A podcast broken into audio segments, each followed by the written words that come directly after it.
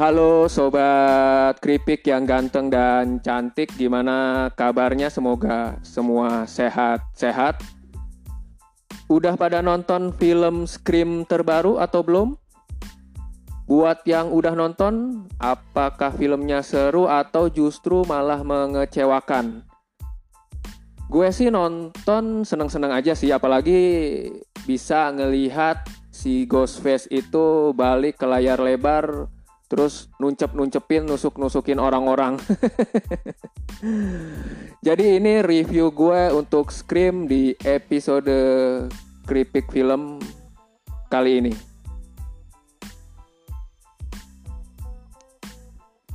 Masih pada inget nggak kapan pertama kalinya nonton Scream versi original?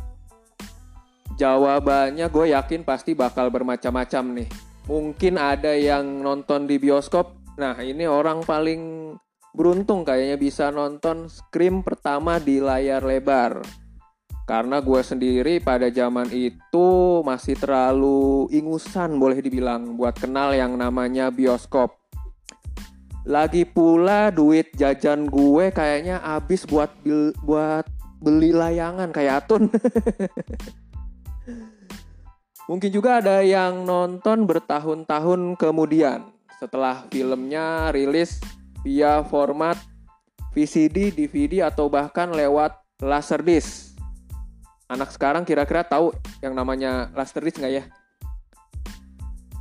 Seingat gue dengan memori samar-samar, Scream versi tahun 19 96 itu baru sempet gue tonton beberapa tahun kemudian. Ketika home videonya pada waktu itu sudah beredar dan disewakan di tempat-tempat penyewaan VCD dan Laserdisc. Karena di rumah gue itu adanya pemutar LD, uh, Laserdisc, jadi pas gue datang ke toko sewa film yang lokasinya nggak jauh dari rumah di depan gang, pun berujung dengan gue pada akhirnya bawa film Scream dalam bentuk cakram segede gaban.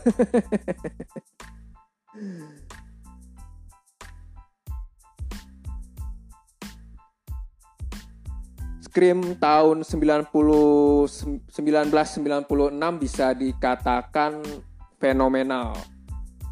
Kesuksesannya tak hanya dari sisi finansial dengan raihan angka box office sekitar 170 sekian juta dolar kalau nggak salah. Dari budgetnya yang hanya belasan juta. Tapi secara kritik pun film slasher garapan almarhum Wes Craven ini direspon positif. Reviewnya pokoknya bagus-bagus lah sama kritikus di luar sana. Tak heran jika kemudian Scream berlanjut hingga sequel ketiga yang rilis yang rilis di tahun 2011. Sekaligus mempelopori yang namanya era slasher modern dengan bermunculannya film serupa dengan judul-judul kayak I Know What You Did Last Summer di tahun 1997 dan Urban Legend di tahun 1998. Namun uniknya Scream dalam menyajikan film horor yang ngomongin film horor juga di dalam penceritaan memang sulit untuk dikalahkan para pesaingnya. Apalagi keunikannya juga dibarengi dengan elemen dalam filmnya yang kemudian jadi ikonik. Dari ketiga tokohnya, yaitu Sydney, Dewey, dan Gale yang bisa diibaratkan kalau di Star Wars itu ya trio Luke, Leila dan Han Solo. Hingga sang pembunuh berkostum Halloween yang layak sepanggung dengan seniornya. Yap, Ghostface layak sepanggung dengan Leatherface, Jason, dan Michael Myers. Bahkan nama kota fisiknya, fisik lagi, kota fiksi maksudnya apa itu uh, kota Woodsboro itu sulit lah untuk dilupakan gitu. Sama-sama se-ikonik tokoh utama dan si Leatherface.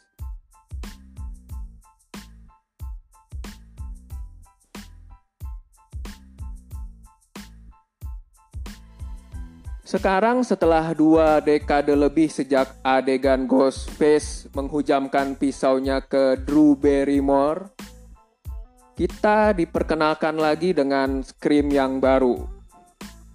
Diarahkan oleh Matt Bettinelli Olpin dan Tyler Gillette yang sebelumnya itu menggarap film Ready or Not di tahun 2019. Gue suka sih itu Ready or Not keren filmnya. Scream kali ini bukan sekedar sequel untuk mereka yang memang tumbuh bersama keseluruhan franchise-nya seperti gue.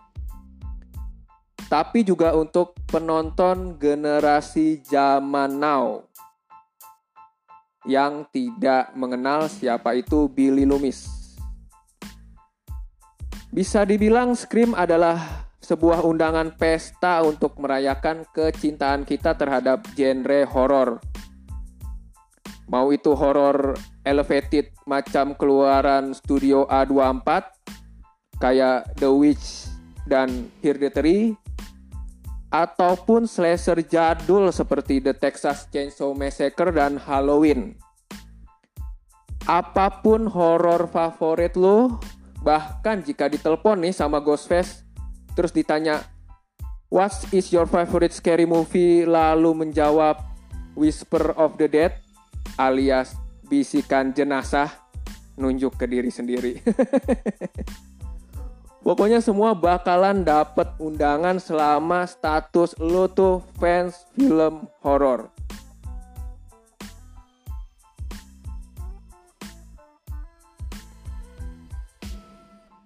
Di sebagai sebuah tribut untuk produk originalnya sekaligus penghormatan buat Wes Craven. Pola eksekusi Scream yang baru ini memang diniatkan untuk mematuhi aturan yang keluar dari mulut Sidney Prescott di film keempat. Ada yang masih inget? Yap. Don't fuck with the original benar-benar dijadikan pedoman oleh Matt dan Tyler dalam mengarahkan versi teranyar Scream ini. Selain juga nantinya berpegangan pada formula yang sudah diracik oleh Wes.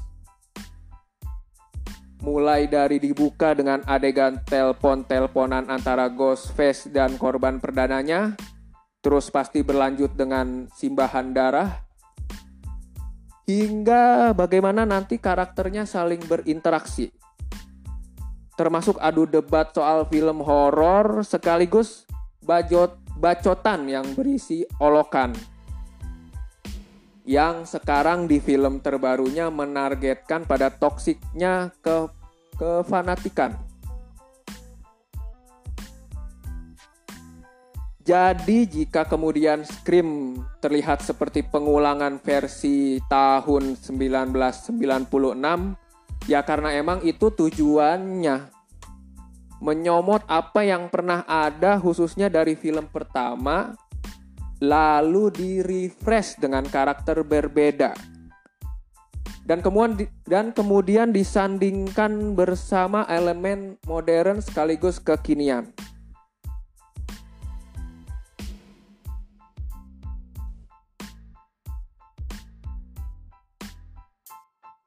Meskipun Scream terbaru ini menurut gue nggak sego, segokil film dulunya sewaktu Nev Campbell itu masih berusia 22 tahun.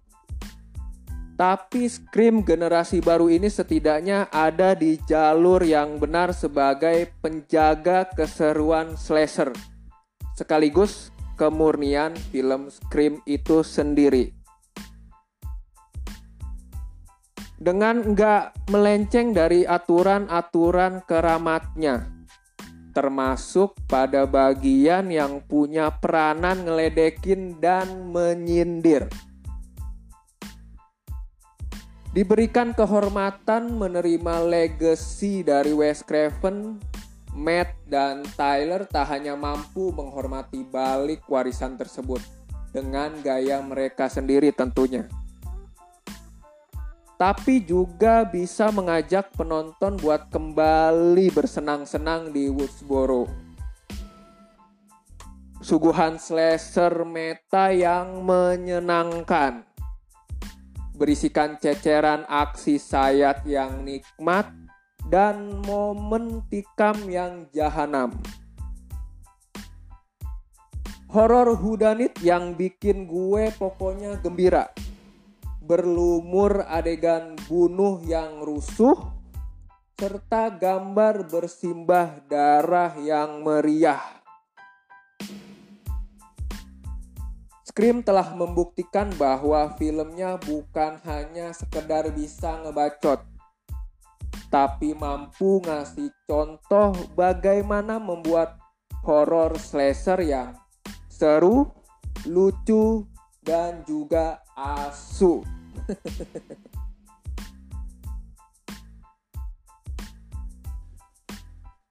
Gue ngasih Scream itu skor 4 keripik karena udah berhasil menghibur dan ngajak gue nostalgia bersama darah-darahan.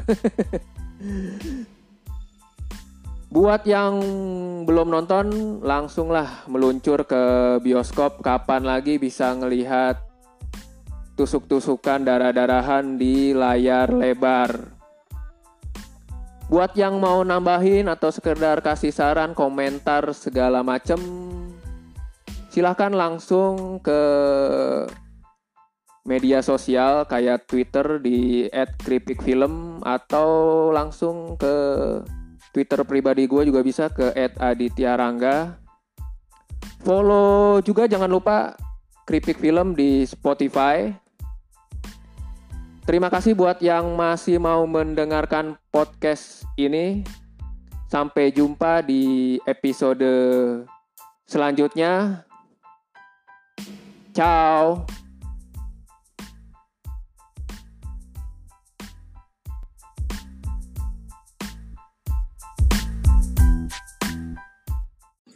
Apaan kok? Kotombat ada nggak bang kotombat? Kotombat apaan sih? Kotombat itu tuh yang banting korek kuping. Kagak ada, emang di sini apotik. Yang lain aja dah. Nggak ada apaan? Tuh, kue unti mau. Gimana sih bang semuanya di kotombat dikasih kue unti? Udah dah semuanya di warung lain aja. Gidak. Bukan, bukan aja. Kotombat nyari sini. Korek kuping pakai ini. Bulu ayam.